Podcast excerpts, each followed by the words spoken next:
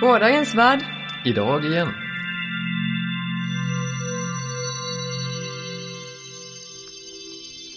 Dags för avsnitt 28 av vår eminenta ljudkapsel. Här sitter vi, Ante och Åka de vår. Och vad är det vi ska prata om den här gången? Eh, ja, idag ska vi prata om eh, lite så här livskunskap. Vad vi lärt oss av fantastiken. Eh, och eh, ska vi prata om vår vän atomen. Mm, kärnkraftverk på film blir det. Mer precis. Med en gäst. Mm. Eh, som vi har bjudit in. Jo, men. Och då kan det vara på sin plats kanske att varna. Mm. Vi eh, kommer att eh, naturligtvis prata just om kärnkraftverk eh, på film. Och då kommer ju filmer som Dr. No, Pacific Rim, Flames End avsnittet av eh, eh, MacGyver från första säsongen.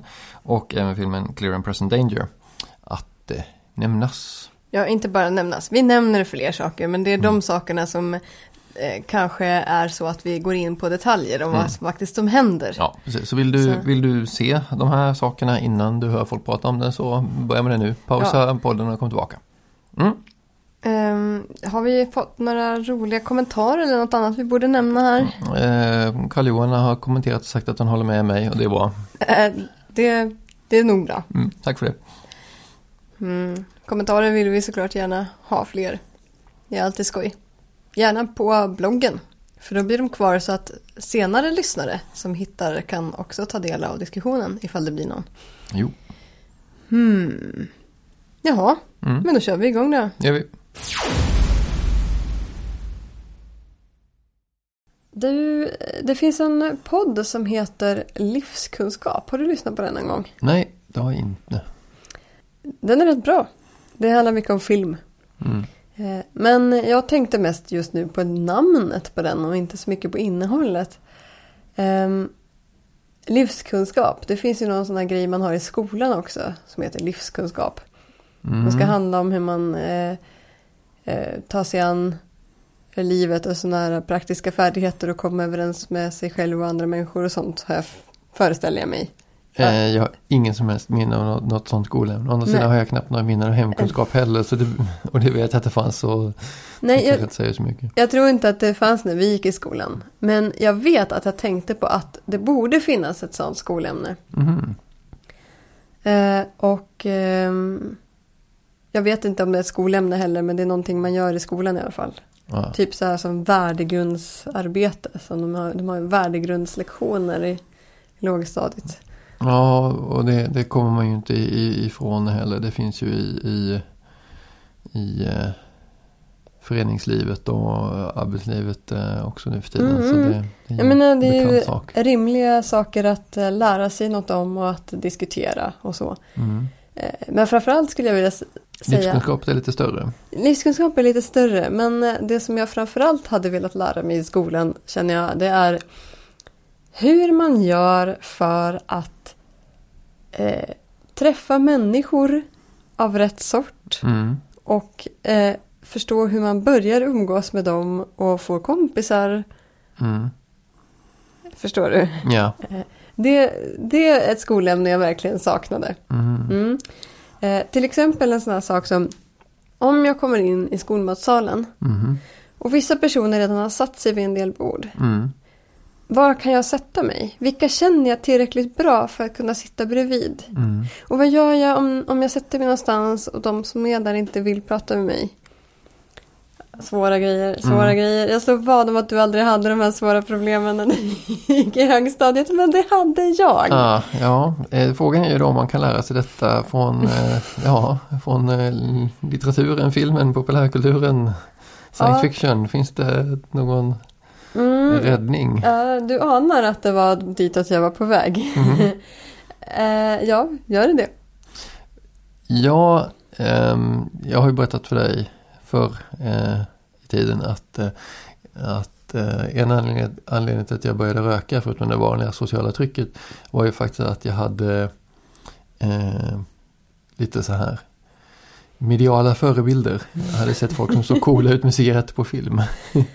Jaha, och, Det kanske inte kan ses som en positiv eh, livskunskap. Det kanske snarare ses som en dålig eh, ja, gav det dig något rent socialt sen då? Jag menar, fick du ut något av det? Blev du bättre på att eh, eh, ja, ta dig fram i, i, i livet tillsammans med andra människor? Ja, kanske. Eh, faktum är att eh, rökare måste ju stå där ute och frysa på trapp- trappan tillsammans. Så det ger ju en trots allt en anledning att eh, samtala och kanske be om eld och sådana saker. Så, eh, det är faktiskt en sak jag undrar om inte rökning faktiskt har en positiv effekt som ibland förbises. Ja, ja, men Mm. just det där med att stå tillsammans på ett ställe, eh, det, det, det tror jag är en bra grej. Mm. Eh, fast jag skulle gärna ersätta cigaretter med en kopp te då. då. Mm. Men eh, ett visst mått av poserande tror jag inte heller är helt bortkastat, ärligt talat. Mm. Jag tror att man får posera, särskilt som tonåring. Mm. Så för att... Eh, Jo, det är man benägen till sånt. Det är, ju- det är ju lättare att posera som, som, som Bogart med en cigarett än pos- posera som, jag vet inte riktigt vem, med en kopp te. mm, Ehm, alltså idealet är ju att bli en, den som andra ska posera som så småningom. mm, ja, det är ju svårare. Mm, men det vet jag inte. Nej. Men, men jag tror att, för att en, ett av mina problem var just precis det. Att jag ville ju inte haka på det som någon annan gjorde. För jag ville hitta på min egen version och göra min egen grej. Mm. Alltid. Vilket ju är lite svårare. Ja, oh ja. Eh, Att vara, Att vara in, innovatör och originell, Mm. det är alltid svårt. Det är inte ett bra sätt att bli populär på. Och speciellt inte om man aldrig vet vad man ska svara när någon tilltalar en. Mm. Eh, svara, svara på tilltal tror jag, det är liksom lektion 1A. Mm, det skulle jag tro. Ehm, För, mm. för övrigt är originalitet upp, äh, klart överskattat i alla delar av livet skulle jag vilja påstå. Åh nej, varför säger du så? Ja, Jag vill fortfarande inte vara allt för mycket kopia av någon annan. balans i allt som Aristoteles Mm. skulle ha sagt. Ja, ja, men det har jag insett med åren också att det, det går inte att ha en originell tanke.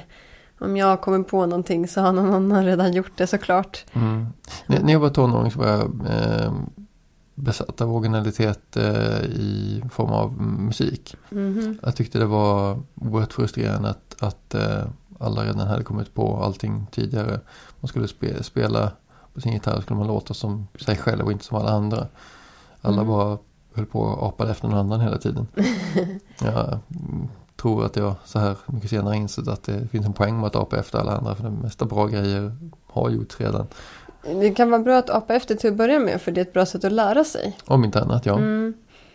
Ja, Det är som det här med att skriva. Man måste eh, lära sig att skriva eh, normal text med eh, stor bokstav och punkt och sådär innan man kan börja experimentera. Mm, om man ska ta parallellen till, till eh, musik igen. Om man ska spela någonting som är originellt då blir det förr eller senare improvisationsjazz och allt annat än lyssningsbart enligt mig. Um, eh, ja. Moving swift Jan. Eh, För att eh, ja, ta en annan, ska jag säga, kulturell förebild då. Mm. Jag har faktiskt, slår det mig, en gång i tiden lagt mig till med en livsvisdom jag har tagit till mig från litteraturen. Mm. Nämligen så är det ju så att Sherlock Holmes Mm. säger vi ju vid, det är ju något tillfälle som, som Watson bestämmer sig för att prova hon, hans kunskaper i diverse ämnen. Mm. Och han konstaterar att inom vissa områden kan Sherlock jättemycket saker och vissa saker är han fullkomligt okunnig. Ja, som det här med jorden går runt solen och vad behöver man komma ihåg egentligen? Ja. Precis. Och eh, det där tog jag till mig när jag läste Sherlock Holmes i, i unga år. Och eh, bestämde mig för att det här som Sherlock säger, att vissa saker har man inte plats för i huvudet så de sorterar helt enkelt Mm. bara bort. Det eh, tog jag som grund för att eh, rätt berättiga, berättiga mitt ointresse för, eh, för biologiundervisning i skolan. Minsann, du hittade en bra förevändning. Jag hittade en jättebra förevändning. Ja, Så eh, jag lät aktivt bli att försöka komma ihåg vad som, som eh, lärdes ut. Och här med, med, med eh, Du hade viktigare saker som du behövde komma ihåg istället. Jajamän, precis. Eh, blommor, djur och sådana här saker. Det, var, det, var, det hade jag inte plats för. Det var alltså otroligt märkligt. Jag kommer ihåg också att jag tänkte på den där passagen och avfärdade den. Eh, som att eh, hjärnan funkar nog inte så. Mm. Ja, min, kanske kan man ha ett visst mått av poserande i min ställningstagande. Ja, det är bra att ha en bra förevändning, en bra ursäkt. Att, att liksom, om man behöver resonera med någon om sina ställningstaganden. Mm. Jag vet inte om det direkt har hjälpt mig i livet men eh, jag kan väldigt lite om blommor och djur numera. Mm. ja, vi kan komplettera varandra. Jag kan berätta lite grann om några djur ibland. Ja, det är bra. Jag gick biologivariant på gymnasiet, ja. Mm. Vi är två. Mm. Eh, men andra saker. Eh, två saker har jag nämnt i den här podden förut. Eh, nämligen det här med att jag memorerade saker ur Sagan om ringen. Mm. Eh, och eh, gjorde en liten krumelur av ordet mellon som jag ritade på alla, eh, alla saker jag hade. Mm. Eftersom det betyder vän. Ja. Och eh, för mig var det en sån där otroligt stark symbolisk grej det här med att man ska säga vän och sen får man komma in. Mhm. Eh, och eh, jag vill ju jättegärna höra ihop med andra människor på något sätt. Mhm. Så det här var liksom grejen, grejen som, eh, ja, som jag gjorde till min. Jag vet inte om det ledde till så mycket rent praktiskt. Ja, just, just då. Men eh, det formar mitt sätt att försöka förstå mig på andra människor i alla fall. Mm. Det var en, eh, en ska man säga, eh, litteraturen gav dig en, en, en krok att hänga upp saker Mm. och ting på. Vad poängen var med och in, riktningen med Mhm. socialt integration. Ja. Eller att jag liksom på något sätt idoliserade, eller hur man ska säga, eh, vänskap. Mm. Att det finns och Mm. att det är möjligt och så. Mm. Ja, ja, sämre saker finns ju att idolisera. Mm. Men eh, en, en annan sak som jag också har sagt i den här podden förut. ehm, det är det här med eh, Modesty Blaise som förebild. Mm. Eh, men om man tänker på den saken så kan jag ju säga att jag hade ju lite Heinlein-hjältar som förebild också. Mhm. Eh, gärna lite modifierade i min egen fantasi för de var inte riktigt perfekta som de var tror jag.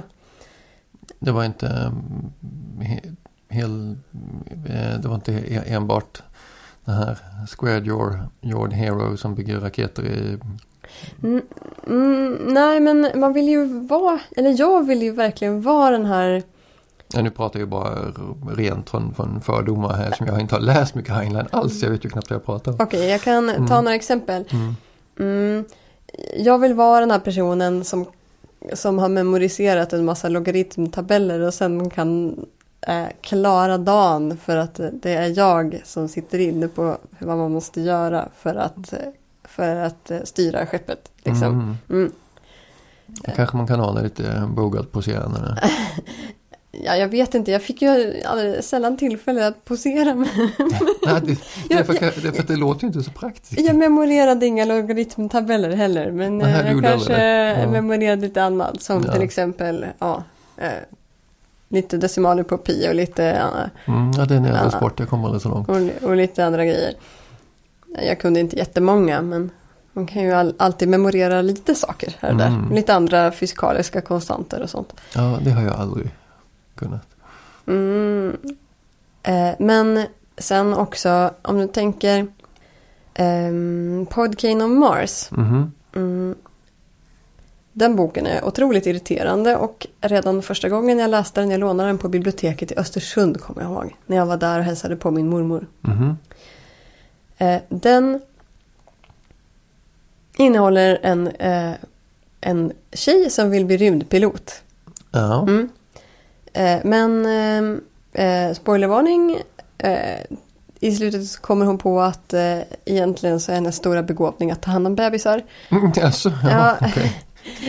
men, eh, men hon är också extremt smart och mycket smartare än andra. Men Mm. vad hon gör är att hon, eh, hon lär sig saker om skeppet som de reser på. Mm. Genom att ställa sig in hos killar i besättningen. Mhm. Mm.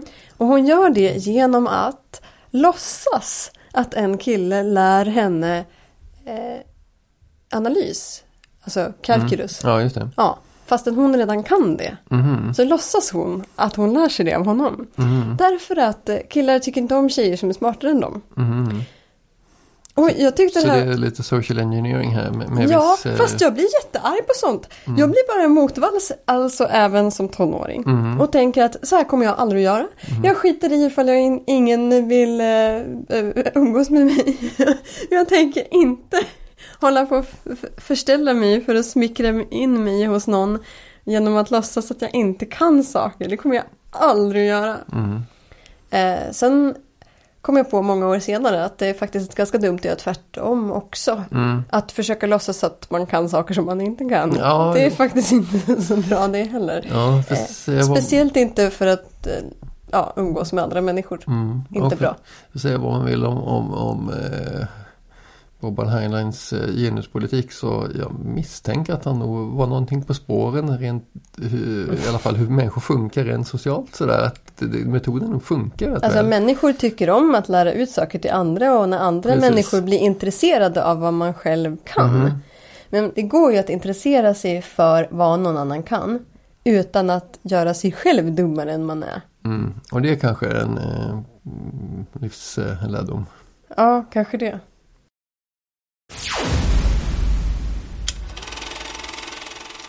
Ja. Eh, Då ska vi presentera en gäst. mm.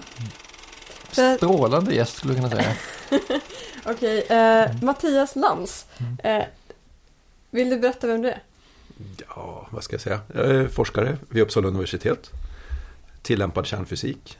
Så där kommer ordet kärn in och ord som strålning. Spännande ord som kanske skrämmer vissa. Eh, Sen jobbar jag på halvtid med information kring de här frågorna också. Så vi har eh, frågat dig, bett dig komma hit för att vi vill prata om kärnkraftverk på film. Mm. För att vi tror att det kunde vara kul. De, de tenderar att dyka upp i, i filmer. De, är det händer ju ofta spektakulära saker när, när, när kärnkraftverk finns med i, i bild. Och det är kul. Verkligen. Men framför allt så fick jag den tanken när jag såg, såg om Dr. No, den första James Bond-filmen. Så att eh, det var det jag tyckte kändes som ett kul upplägg att eh, börja prata om där. För att det finns en så fantastisk skurkbas här i. Ja, nu har ju vi allihop sett den filmen. Så, eh, ja. Vad säger du Mattias? Ska vi dra kort vad den handlar om? Eller? Du kan, du kan ta lite grann om du vill. Ja, Nu ska vi se om jag minns. Eh, James Bond, det här är en av de första filmerna. Det är den allra Det första. är den allra första. första, 1962. Det är där Ja. det börjar. Han blev kallad till eh, Jamaica är det. Ja, någonstans i Västindien typ i alla Ja. fall. Mm. Det är någon eh, i säkerhetstjänsten som har försvunnit efter att ha upptäckt någonting. Så James Bond är där och börjar undersöka och jag vet inte hur de kom in på det här med radioaktivitet. Eh, mm, Han beställer Han- en tar- Geigermätare han från gör ju faktiskt London. det. Han har med sig den när han åker ut för att undersöka. Jag kommer faktiskt inte heller ihåg riktigt hur. Ja, de undersöker den här båten som den här Mm. killen har använt. Den dödade killen. Ja, det är bra om man minns storyn. Ja. Ja, man hamnar på den här ön med Mm. skurkbasen som du sa. Mm. Ja, det finns en alltid ett anläggning kan man säga. Som, där det ba, både är kontrollrum för att avfyra raketer. Som man ju naturligtvis har på en skurkbas. Ja, såklart. Och så finns det någon eh, egen kärnreaktor och så. Mm. Och så finns det eh, träsk man kan klampa runt i och det allra viktigaste för en skurkbas. Massvis med minions som springer fram och tillbaka. Mm. Eh, Och, och att, att de faktiskt är inne i eh, reaktoranläggningen och eh, är med om saker. Men det börjar ju, börjar ju med, som du säger, att de eh, hittar radioaktiva spår och så kommer de till den här ön där det är ett träsk som också är fullt av radioaktivitet. Ja, så de blir kontaminerade. Mm. Och så är det filmens hjältinna Ursula Andress som är där och samlar snäckor som blir indragen i detta. Mm. Och Och hon och eh, James Bond blir tillfångatagna av en, ja det, det är något fordon som alla tror är ett monster. Ja, det är en drake. Ja, Ja, den, det- den mekanisk är eldkastare. Ja, det, det är ju fantastiskt, eh, man säga, tidstypiskt det här. Det är någonting med, med, med eh, kolonial syn på de obildade vildarna eller något sånt som, som manifesterar sig på ett nästan löjligt vis. Och så kör de runt med det här konstiga pansarfordonet. Det är ju, ja. Ja fast det roligaste är ju sen. När de har Mm. blivit tillfångatagna och blir intagna och sen så är det folk i skyddsdräkter som eh, mäter på dem och eh, ska köra dem genom en fantastisk dekontamineringsanläggning där de först, först blir nersprayade med någon slags ehm, skum Mm. och, borstade med en sopborste. ja det, det, Och sen är de fortfarande radioaktiva. Och så får de åka, det är som ett löpande band Ja. med olika duschar. Så Mm. det faser så här. ja, är, det- ser det ut så i, i, i riktiga kärnanläggningar? Har man, har man stora duschar och Jag har ju och varit borstar? nära en gång att bli ingjuten i betong för att jag hade något radioaktivt spår på mig. Ja, oj då. På en anläggning. Ja, jag fick ta av mig plagg efter plagg och gå in i den här he- helkroppsdosimetern. Men Mm. det pep fortfarande. Så jag hade bara kalsongerna kvar Mm. och de sa Piper det när du tar av dig dem, då gjuter vi in det i betong och sänker det i viken här utanför. Hoppsan. Det kanske var lite 60-talstänk som de Mm. ville skrämma mig med. Men vad, vad var det som hade hänt? då? Eh, Det hade, hade- hade det visat sig att jag hade någonting på mig. Ja. Det visade sig att det satt någonting på en av mina strumpor och det kan vara en dammpartikel som hade Mhm. li, lite högre aktivitet som gav utslag i den här mycket känsliga detektorn. Mm. Um, Gör, kan jag fick man, behålla kalsongerna.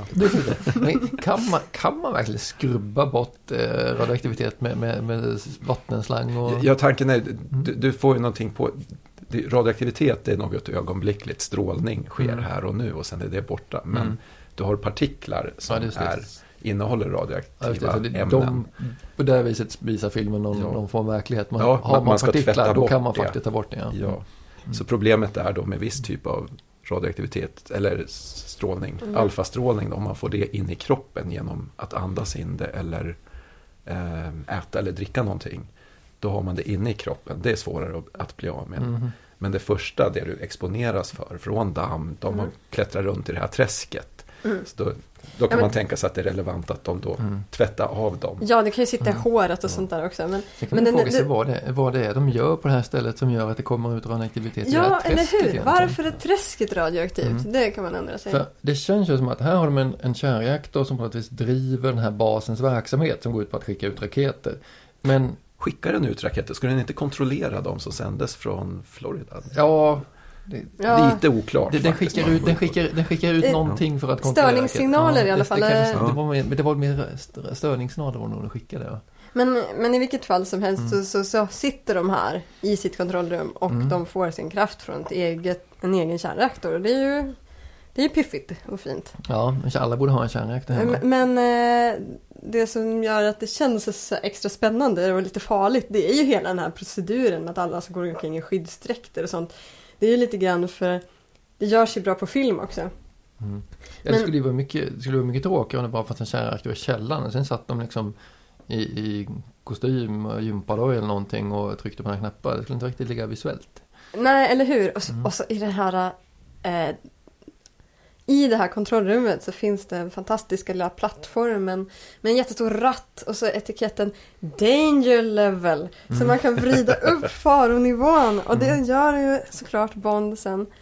Eh, alltså, vad, vad skulle det här kunna vara för någonting Mattias? Ja, vi börjar med hela hallen. Så jag, jag är faktiskt rätt imponerad av den. I, Ja. jag ska säga, om, så som de filmar när man kommer in där så på vänstra sidan så, så har de en, en sån här pantografer, fjärrstyrda tänger och så är det en meter tjockt glas och så kan man hantera högaktiva saker bakom det här glaset. Mm. Så ser det ut i sådana så kallade hot cell labb. Mhm. Eh, och det, det kan finnas i anslutning till äldre anläggningar, inte kärnkraftverk utan det är forskningsanläggningar eller där man hanterar olika ämnen för medicinska änd- ändamål. När man extraherar radioaktiva ämnen som ska användas medicinskt. Det Mm. görs ofta vid en forskningsanläggning. Då kan man tänka sig att man har en sådan anläggning. Mm. Men här pratar de om att man ser någon som håller på att fippla med de där pantograferna och med att ladda bränslet. Och så går det bara sekunder och sen kör de igång den här re- reaktorn. Och, Mm. eh, ja, det tar nog avsevärt mycket mer tid än så. Men att de fick med den var ganska Mm. snyggt. Och i samma hall, ja, Det är väldigt kompakt det här.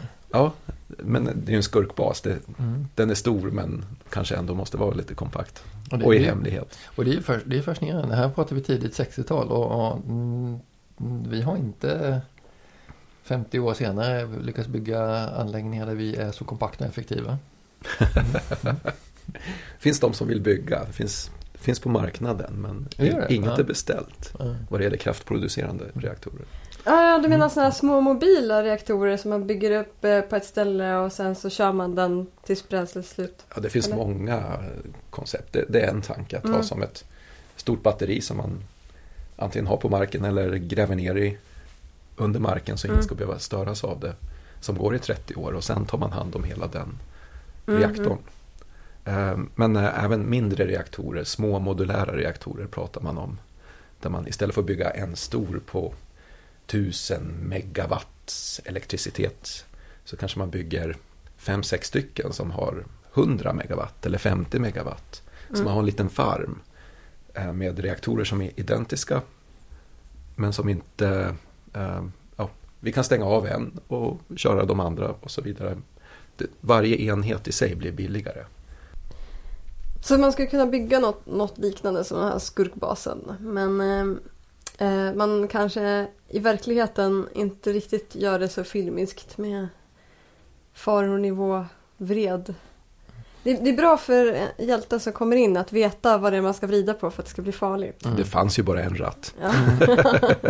Ja, det, det är ju en av de fascinerande sakerna med, med eh, kärnreaktorer i film överhuvudtaget. Det finns alltid någon grej sådär som vrider du på den här grejen så går det dumt eller trycker på den här knappen så bara slutar allting funka. Vilket ju känns som en väldigt konstig design egentligen. Det är en ganska osäker, eller ostabil Ja, det är typ alltid av liksom. Det går liksom alltid på något vis att ja, men nu kör vi det baklänges och bara sprängs allting. Eller trycker vi på den här knappen så överbelastar vi och då sprängs allting. Eller vrider vi på den här ratten så, så kommer osäkerhetsnivån, eller vad heter det? Danger. Danger. Danger. Då kommer faran gå så högt att... Och det där känns ju konstigt att man fortsätter göra sådana här grejer eftersom det, menar, man behöver inte veta så särdeles mycket om kärnreaktorer för att inse att det är ju, så där kan man inte gärna designa någonting. Det, är ju, det, låter ju det låter ju dumt bara man hör det liksom. Ja, fast det, det är inte värre än i Independence Day när de eh, eh, fixar ett litet eh, virus som eh, kan Ja, du har väl aldrig hört mig försvara den designen kanske? Ja, men jag menar att det är en typisk filmgrej. Ja, jo, det är en typisk film. Mm, Fast överhuvudtaget det här med att man spränger, eh, spränger kärnkraftverk så blir det en atombomb. I det här fallet blir det inte det heller. Nej. Det blir väldigt massa, Det ser ut som det är en massa olja som brinner tycker jag i explosionen av det hela. Mm. Eller någonting annat. Ja, just det. Det blir eldhav bara. Ja. Men eh, det finns ju i alla fall på film, det här fenomenet. Att man tar en kärnreaktor och använder som en bomb. Mm. Eh, I vi, eh, Pacific Rim. Pacific Rim så jag till Mm. exempel. Fast jag vet inte om det är en vanlig liten, någon slags, eh, om det är fission eller om det är en liten fusionsreaktor de har. Det kommer jag inte ihåg. Har du sett. Pacific Rim? Jag har för mig att det var fissionsreaktorer Ja, i de här stora robotarna. Ja, ja precis ja, som de hade. Ja, Och så tar de ju en av dem och använder som eh, ett, just det. en bomb. det är klart det blir en bomb. Mm. Det har man ju sett på film. Ja, Ja men eller hur! Var har man sett det mer? Alltså för det känns ju som en grej som jag känner igen. Men jag kommer inte ihåg var jag känner igen det ifrån. Ja, det förekommer i fler filmer. Jag Mm. kommer inte ihåg på rak arm. Mm. Mm. Jo men det känns som det är en, det är en mem liksom. Det är sånt man vet att finns det en kärnreaktor i en film vet man att förr eller senare kommer någon köra den baklänges och så sprängs det. Liksom.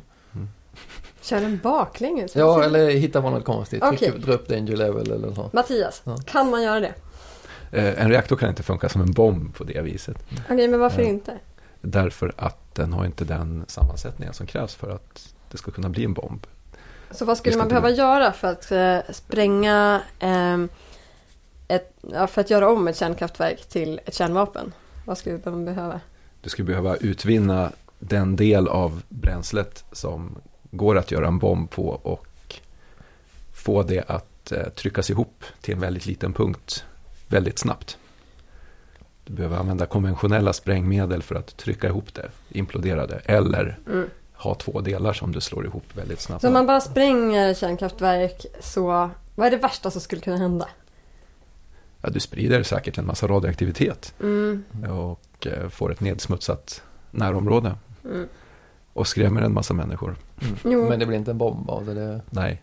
Nej. De explosioner vi såg i Fukushima för fem år sedan, det var vätgas då från när bränsle var överhettat och och vi fick den här härdsmältan. mm. Så vätgas och så släppte man ut den.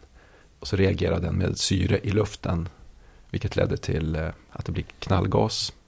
Det räcker med någon liten, ja, Mm. någon slår på en plåt eller någonting så exploderar det här. Mm. Och Och, då är det det, här, och det är det här berömda dammet igen då som sprids. Damm? knappast, ja, så vi började med avkontamineringsproceduren. Jaha, här. Det var ja. det här med dammpartiklarna. Det, det är det som, är det som kan hända då. Liksom, att explosionen sprider sånt här damm på sin höjd. Ja, och ja, partiklar och Ja. damm då. Där har du ju en hel härd då som Mm. exploderar. Så du har ju ganska Det blir ganska mycket. aktivt material Ja, som precis, men det, är men, det, problematiskt att komma nära. men det är knappast att man, man, man sm- smäller inte sönder en jättestor robot och tar med sig några monster på kuppen direkt. Det ska ju inte fungera så, nej. Nej. Äsch, elände. Hur ska här, vi då göra när vi behöver stänga sprickan mellan dimensionerna? den här, den här memen du pratade om med, Mm. man ska alltid ha en bild då, en reaktor som exploderar och så får vi en bomb. Mm. Eh, under händelseförloppet vid Fukushima så det finns en fantastisk bild i Aftonbladet. Flera tidningar hade den säkert. Som visar ett stort brinnande eldklot. Mhm. Och det har ingenting med Fukushima att göra. Det är ett brinnande oljeraffinaderi Mm. i Chiba utanför Tokyo. Ah. Det brann okontrollerat i tio dagar. Mm. och hade stora eldklotsliknande explosioner. Men det var ju Mm. väldigt tacksamt. Man prat, skrev om kärnkraftverket och alla problem där. Mm. Men man visade inga bilder på vätgasexplosionerna. För Så, de såg inte så roliga ut. nej, det var bättre att ha en bild som såg ut som en bomb. Ja, precis. Som Mm. inte har någonting med kärnkraftverk att göra. Det skedde 200 kilometer därifrån. Mm. Ja, men ehm, eh, jag, jag skulle också vilja nämna, eller har vi pratat färdigt om Dr. No? Hade ni något mer som ni tyckte var skoj med den? Ja, själva reaktorn i sig, det är en liten forskningsreaktor som Mm. De har- ska ju ha den som energikälla. Mm. Det är väldigt oklart hur får de ut någon energi. Det kräver att hela principen med en kärnreaktor är att för elproduktion är att du ska värma vattnet. Mm. Det är en jättestor vattenkokare. Ja. Ja, Mm. eh, på något vis skapa ånga som driver turbiner till en generator och så får du ut el. Vi ser inga sådana spår här utan det här är en typisk liten forskningsreaktor av den typ som byggdes väldigt mycket på 50-60-talen. Men där man inte producerar någon el alltså? Det finns Nej. inte. Man studerar processen, att processen funkar och att man får ut värme typ. Ja, eller aktivera material som används till Mm. exempel för medicinska ändamål eller ja, Mm. i princip skulle man kunna använda en sån liten reaktor till eh, att skapa plutonium för vapenändamål. Ja men det är ju typiskt skurkaktigt så det, Ja. det är säkert det han gör. Mm. Det kanske fanns en längre plan där som inte riktigt framgick i filmen. Nästa alla steg. detaljer behöver inte vara med. men, men när de vrider på den här äh, ratten, danger level eller vad Mm. så ehm, då börjar vattnet koka. Mm. Vi får ett grönt sken. Det ska Mm. vara Cherenkov-strålningen då. Den är lite mer blå egentligen. Men ja, det ser snyggt och spektakulärt ut och Mm. vattnet börjar stormkoka. Mm. Ja, jag betvivlar att det är svårt. Jag har svårt att se att man skulle kunna få en sådan reaktor att stormkoka på det viset. Men, speciellt när man inte har några andra system kring. Men, Mm. men det, det är kul.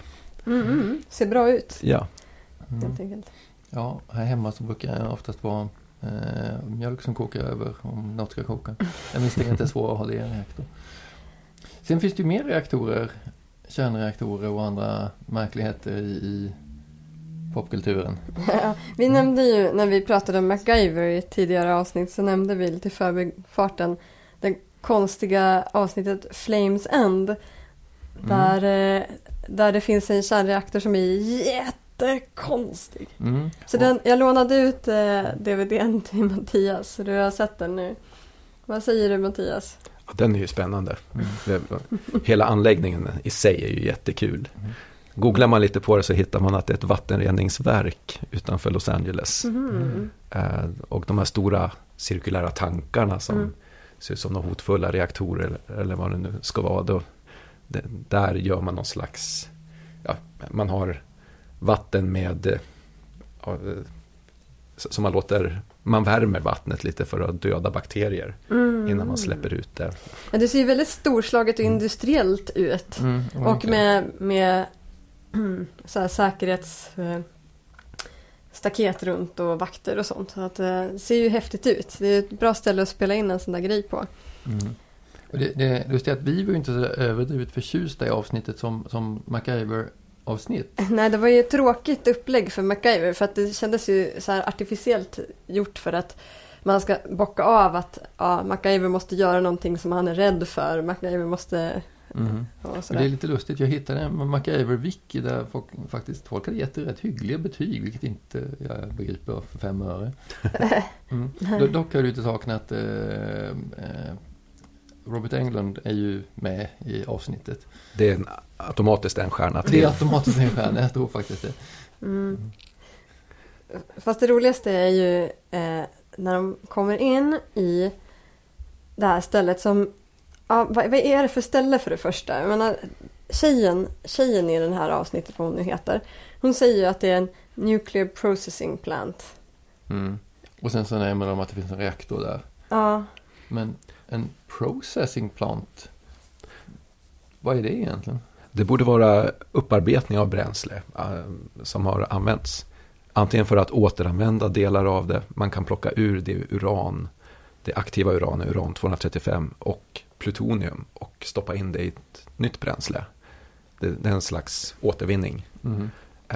Men, eller så vill man separera det för att ha högaktivt avfall för sig och lågaktivt avfall för sig. Det, Svårt att se. Det, det, det- finns inget skäl till att det ska vara en reaktor nej det var just det jag undrade. Var, Ja. Varför har man en reaktor i en upparbetningsanläggning? Ja. Och, och sen det ämne som har försvunnit, det är uran 235, vilket Mm. väldigt lite kvar i använt kärnbränsle. Ja, för att själva upplägget är att, att någon har smugglat undan sånt för att sälja på svarta marknaden. Sen hittar de Till det. Kanada! Sen hittar, ja, just det, Kanada. I Kanada, just det.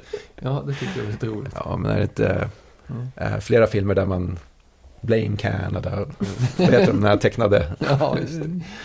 Ja. Mm. Cartman och company, vad heter de?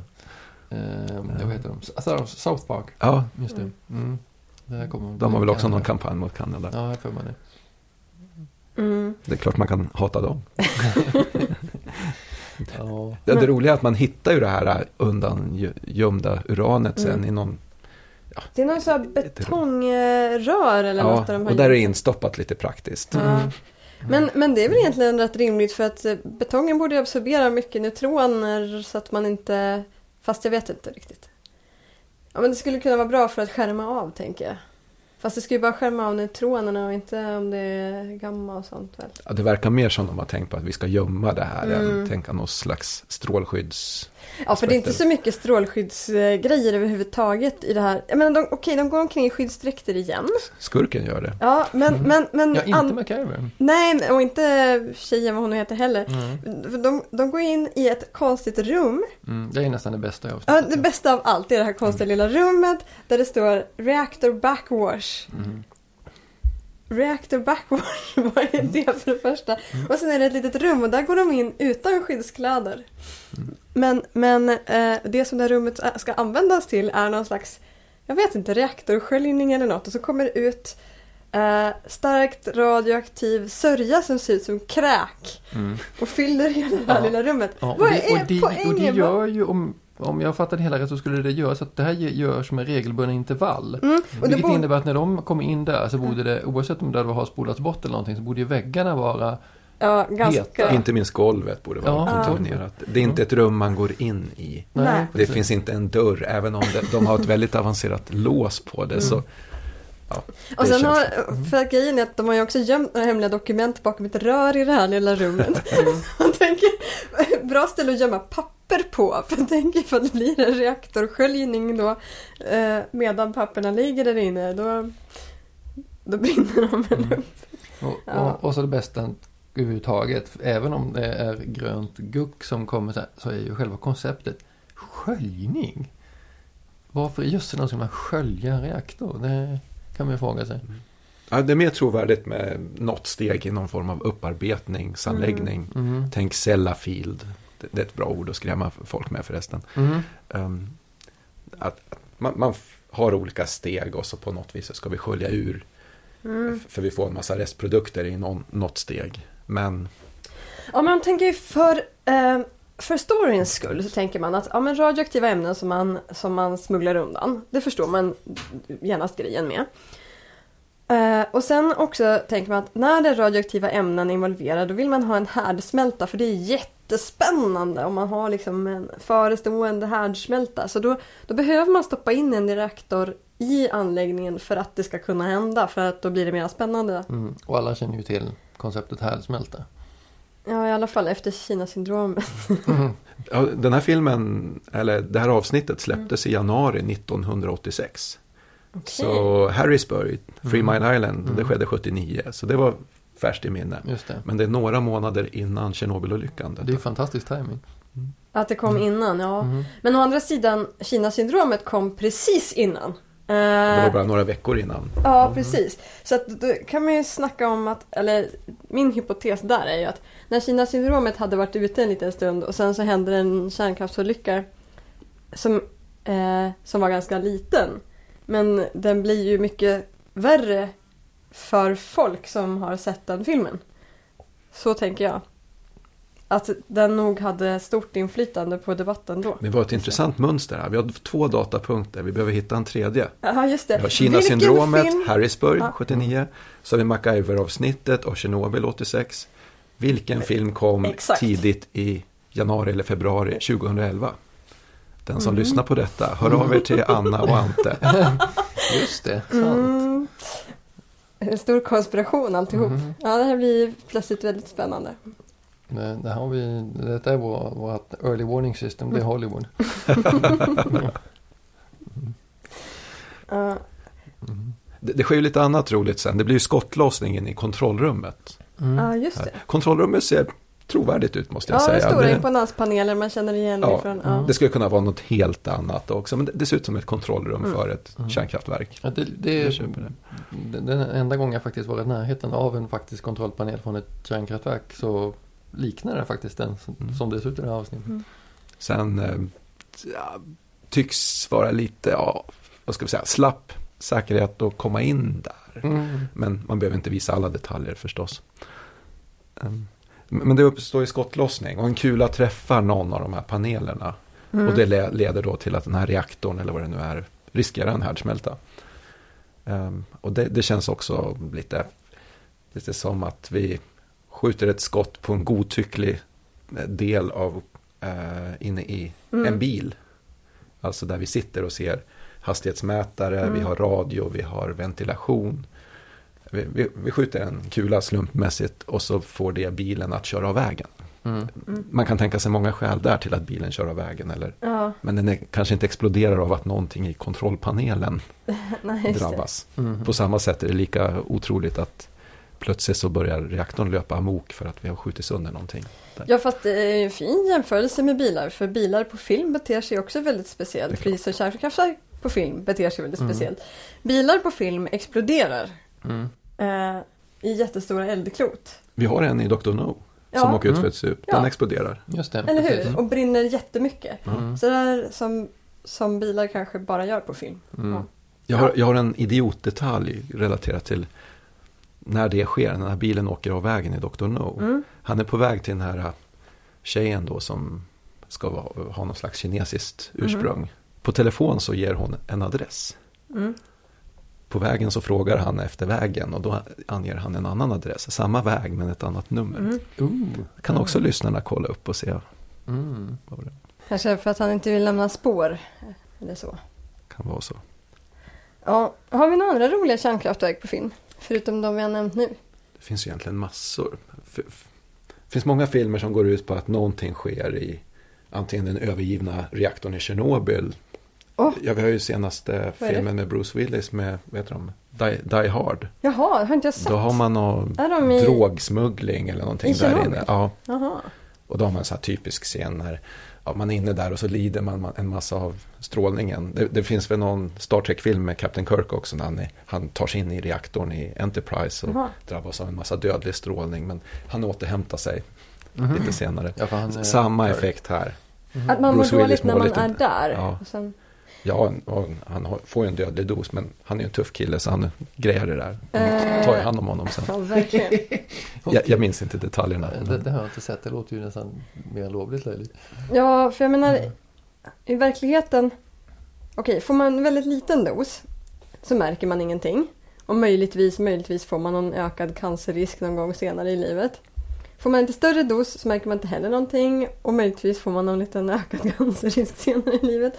Får man en jätte, jättehög dos så att man får brännskador eller märker det direkt. Eh, då, då är man väl sådär så att antingen så frisknar man till efter några veckor eller också dör man. Ja, om man dör så gör man det under ganska stora plågor. Ja. Om man har fått så pass höga doser. Men eh, det är rätt, rätt bra höga doser då. Eh, eller hur? Och jag kan inte tänka mig att det ska påverkas.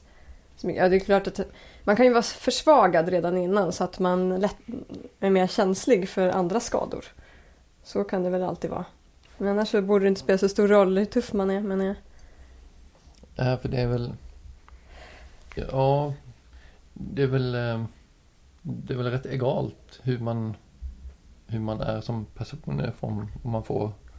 Får man kraftig strålning så får man kraftig strålning. Det är knappast någonting man kan skaka av sig sådär va? Det lär inte vara muskelmassan som avgör hur- resistent man är. Nej, knappast va? Det finns vissa eh, studier, vet jag inte, tendenser till att vi kan vara olika strålningskänsliga. Det kan finnas en skillnad mellan män och kvinnor och sen finns det människor som har en viss genuppsättning som gör att de eh, är överkänsliga och har en större chans att få cancer eller andra effekter av en förhöjd stråldos. Mm. Eh, Men, men de personerna tenderar till att ha andra problem som är mycket mer akuta att ta hand om än just att de är överkänsliga för radioaktivitet. Mm. Eh, Men det känns som att jag tänkte på någonting annat. Jo, just det. Eh, apropå vad som är farligt och inte. I, i den här mystiska... Eh, MacGyver? nej, han som kryper in i ett kylskåp. Ja, Indiana Jones. Indiana Jones, tack. Mm. Ja, men han kryper in i ett sånt här gammaldags eh, blyisolerat eh, kylskåp och stänger in sig. Du har sett den? Ja. Eh, och sen så Det är den sista Indiana Jones-filmen Mm, vi om. Eller senaste. Mm. Ja, och sen så kastas han iväg i den jättestora explosionen för det, det är en kärnvapenexplosion. Eh, och så kastas hela kylskåpet iväg jättelångt. Och så ska han klara sig mot strålningen för att han har den här blyisoleringen. Men han slår inte ihjäl sig. Det tycker jag är konstigt. Mm. Att han inte slår ihjäl sig eh, utan att det liksom är... Ja, just det. Han blir mörbultad men... Fokus på strålningen, Anna. Fokus på strålningen. Ja, just det. Ja, Eh, det är bara strålning som är farligt. Blir mörbultad, det klarar man av. I alla fall om man är Indiana Jones. Han är i och för sig rätt van vid det. Det kanske vi har med det där med, med ja, man blir härdad. Ja, Kastas precis. man omkring tillräckligt mycket så är man härdad och Mm. då klarar man av sig. Ja, det var inte ett Det kärnkraftverk. finns en annan Men- James Bond-film där det är en ubåtsreaktor. Mm. Ehm, jag tror de är i Istanbul. Det är en av de senare filmerna. Ehm, där, eh, ja, jag har för mig att James Bond står, ja, han har inte bara överkropp, men trycker in en styrs... Nej, det är bränsle tror jag. De, eller om det är skurken som ska göra det. De slåss om att trycka in det här i reaktorn och Mhm. orsaka en... Det ska givetvis bli en explosion då för Ja, den här ubåten i centrala Istanbul. Jaha, de vill spränga Ja. Istanbul? Ja, okej. Och då är de inne i själva reaktorn och slåss också i en ubåt. Som Jaha. dessutom håller på att sjunka ner i vattnet. Eller, Mhm. Oj, Wow. Där är det mycket på en gång. Ja, lite så. mycket på en gång. Ja, jag, ska, jag ska se igenom alla James Bond-filmer, Mm, eh, har vi tänkt. mm. Eh, så vi kommer väl dit så småningom. Ja, vi, vi är kvar på 60-talet än. Om vi får återvända till MacGyver, avslutningen på det. Det, det Mm. sker någon form av risk för härdsmälta där. Mm. Vad gör de då? De beger sig inte till själva reaktorn, någonting man kan se. De klättrar upp på en av de här stora cisternerna. Som, Mm. Vi kan väl tänka oss att reaktorn är inne i den här tanken som Mm. i verkligheten innehåller eh, avloppsvatten som ska kokas. Eller Just det. det- Och, och sen vill man... Då ska man ha med sig en mejsel och vrida på en stor Ja, eh, en skruvnyckel. skruv. Ja. Ja. för, för att de ska lätta på något tryck, att det är övertryck där inne på något sätt. Mm. Så att det är det som kan spräng, göra att det sprängs. Mm. Och, det Sen ska släppa det, ut övertrycket. och det är ju en intressant design. Rent så här hur man bygger en, en, ett eh, kraftverk. Högst uppe på en jättestor tank. Där ska du skruva på en skruv ifall det blir lite för högt tryck. Det är ju rätt Med en bra. design som gör att du står mitt i de gaser som ska komma ut. Mm. Men det ordnar de ju med en vattenslang som Mm. hjäl- hjältinnan ska stå där och hålla. Ja, just det. Hon spolar för att han inte ska få så mycket av de radioaktiva ämnena på sig. Mm. Men skurken är kvar och ställer till det. Och så lyckas de bli av med honom. Men då har de tappat bort den här stora skiftnyckeln också. Och då gör MacGyver en MacGyver-grej i alla fall. Just det. Precis, så där får han göra sin, Mm. sin MacGyver. Han tar skurkens pistol, Mm. tar bort kolven på revolvern och Mm. använder den som mejsel. Mm. Och han tycker inte om Så mycket. höjder. Så han MacGyvrar en manik samtidigt som att han är uppe på hög höjd trots att han inte riktigt tycker om Mm. det. Jo, det fattar man ju varför manusförfattarna har gjort det så. Men det är ju en helt galen konstruktion av, ett, av, av en reaktor. Det, det, men där tänker man, där har vi lite ångpanna över det. Mm. Så här har vi någonting som högt tryck och det kommer att sprängas i en ångpanna. Det är Det perfekt. är, det är en ångpanna. Så för att släpper ut trycket och blir lagom och då kommer det vara säkert igen. Mm. Hade han haft hög hatt på sig och det funnits lite kugghjul så hade det varit ett steampunk-avsnitt.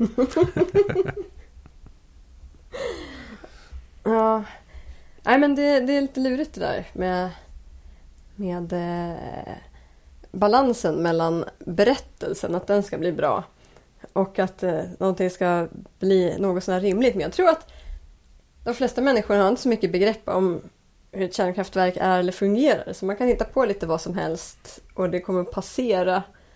Det kommer inte förstöra de flesta tittarnas suspension of disbelief. Jag tror att det är så. Det ska vara någonting farligt bara. Och Mm. kärnkraft eller strålning, det är perfekt att ha dramaturgiskt grepp. Mm. Det skulle kunna vara någonting annat, men det funkar alltid. Ja. Och då är inte detaljerna så noga. Nej, det, det, ska- det är lite magiskt som folk inte förstår sig på. Man, ska med, man ska ha med frasen härdsmälta. Då kommer man undan med det mesta sen tror jag. Härdsmälta eller explosion. Fast, Mm. det, fast det blir ju alltid samma sak då i en Mm. film. Mm. Och kanske kan man ha, ha med tryck också. Tryck kan folk begripa. Mm. Tryck och härdsmälta och sen så är man igång. Mm. Och sen hur man genererar tryck, högt tryck eller härdsmälta. Via vattentankar eller eh, bränslestavar eller kokande vatten eller lite vad som helst. Mm. Men Vad mer då? Har vi någonting mer som vi har missat tycker ni? Intressanta kärnkraftverk på film. Jag har sett en hel del, men jag kommer inte på på rak Mm. arm. En hel del B-filmer och det är alltid någonstans i före detta Sovjetunionen någon reaktor som terrorister har tagit över. Och ibland gäller det att spränga den och förgöra världen, Mm. vilket givetvis händer. Uh, Ändcynism får vi stoppa in här. Mm. Eh, eller sarkasm. Vad mer? Ja, eller så har man det bara som en smuggelbas. Väldigt bra att ha ett kärnkraftverk som en smuggelbas. Eftersom det for- redan är lite isolerat och folk håller sig undan.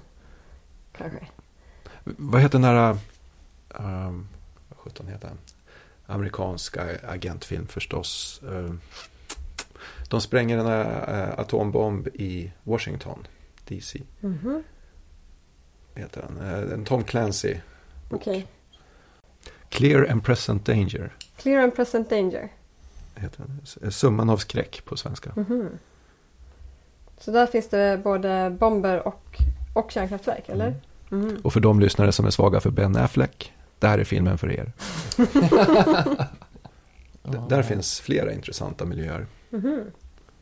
Eh, Jag har läst både boken och sett filmen och Mhm. föreslog till en kollega att använda en del i boken, ett avsnitt i en kurs i reaktorfysik. Mhm. Där kan studenterna få förklara vad är det som är fel i detta. Mm. På det viset så visar de att de har förstått ämnet. Ja, just det. Det där har jag För det, fin- det finns en förklaring av hur, vad som händer i en atombomb Mhm. som är lite galen. Det där har jag föreslagit eh, tidigare. Jag kanske sagt det i podden också när vi pratade om eh, Hannes Alfvén och hans eh, fans. Mm. Att eh, såna här lite konstiga, udda fysikteorier som kanske inte funkar så bra. De är jättebra att ha som undervisningsexempel eller bara för sin egen skull att försöka förstå hur saker är på riktigt. För när man måste fundera ut varför stämmer inte det här? Då lär man sig jättemycket. Mm. Okej. Men, men de, de är bland annat i Ukraina eller någon del av Ryssland. Mm. Först det, det där ämnet, det, det har kommit ja, någonting har hänt där. Det är några ryska kärnfysiker som blir mördade där. De smyger sig in där först och letar efter någonting och hittar spår av det. Den anläggningen, det är bara en stor industribarack. Men man får ändå in lite trovärdiga miljöer. Mm. Som funkar på film i alla fall. Nu måste jag fråga en sån här fråga då. Kärnfysiker på film. Känner du att du kan relatera till dem? Det roligaste är väl Half-Life 2 tror jag. Okej. Dialogen där när han träffar på en postdoc, nej en, en forskare där, Mhm. kvinnliga hjältinnan. Och Ja, okej. hon, hon säger en massa nördiga saker och står och pratar glatt och säger oh, I've, sorry I'm, I, I'm going on like a postdoc.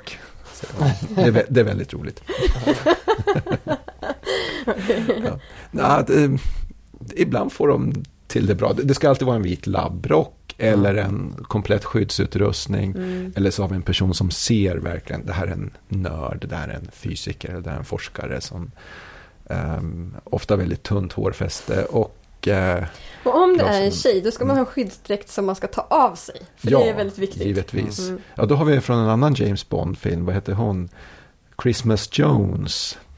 Ja, vad är det Bara för film? namnet. Jag känner igen det här, Det är för det är nog den jag tänker på. Men då håller de på att avveckla det efter kalla krigets slut Mm. när man hade ett samarbete mellan väst och öst att ta hand om kärnvapenanläggningar Mm. eh, och atombomber då i före detta Sovjetrepubliker. Mm. Så det är det, man man är på ett sådant ställe och då är det en väldigt intelligent kvinnlig kärnfysiker som, eh, ja, hon sliter väl av sig Alltså, det jag, tror mesta att av det, kläderna i någonsin. jag tror att jag har det här i bakhuvudet alltså, därför att eh, jag tror att det störde mig jättemycket att det var precis det här som är mitt exempel förmodligen. Det jag minns mest är Eh. hennes namn, Christmas Jones. Ja, det, är en, Det är så det bra. är en lång och fin tradition i, i eh, Bondfilmer. Mm, ja, att man ska ha konstiga namn som Pussy Galore.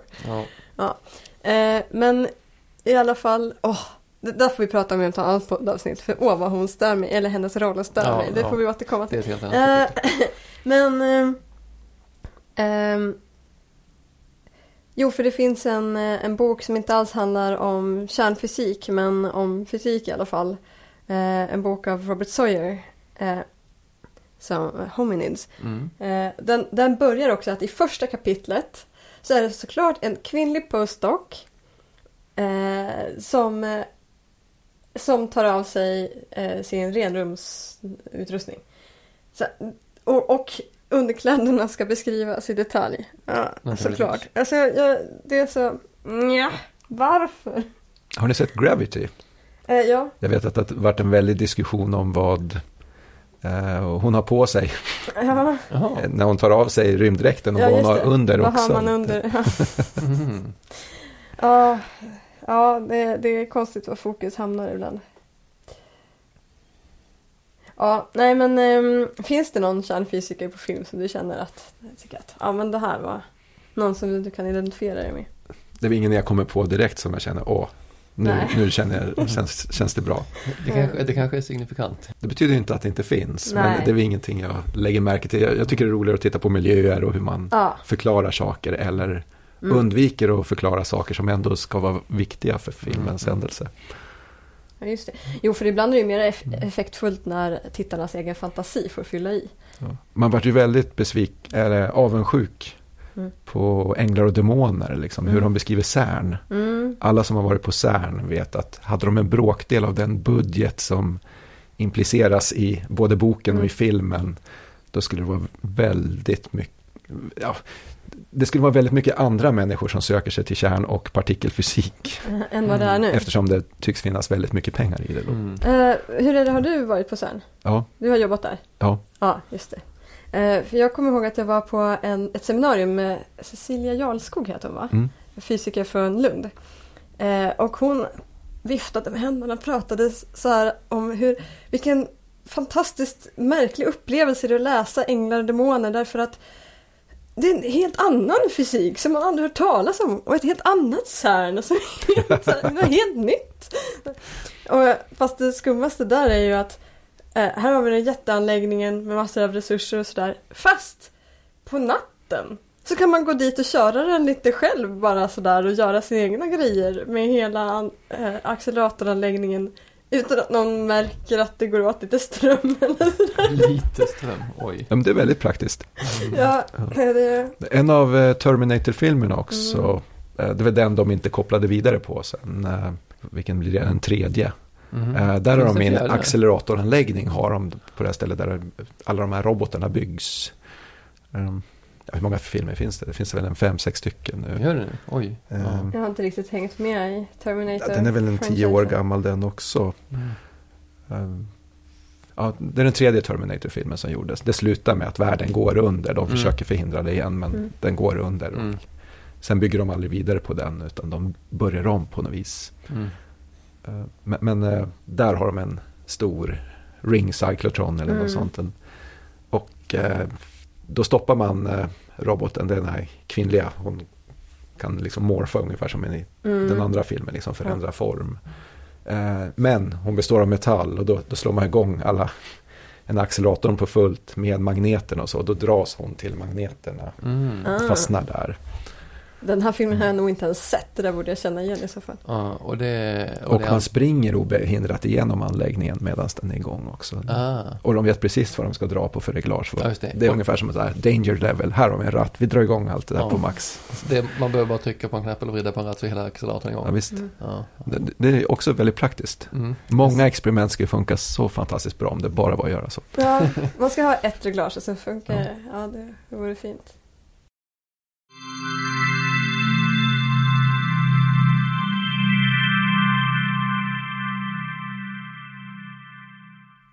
Det här var avsnitt 28 av Gårdagens värld idag igen. En ljudkapsel av Ante och Åka de vår. Det här avsnittet släpps under Creative Commons-licensen Erkännande icke-kommersiell.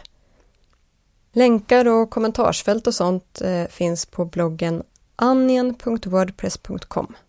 Och vi finns också på Twitter, att idag igen.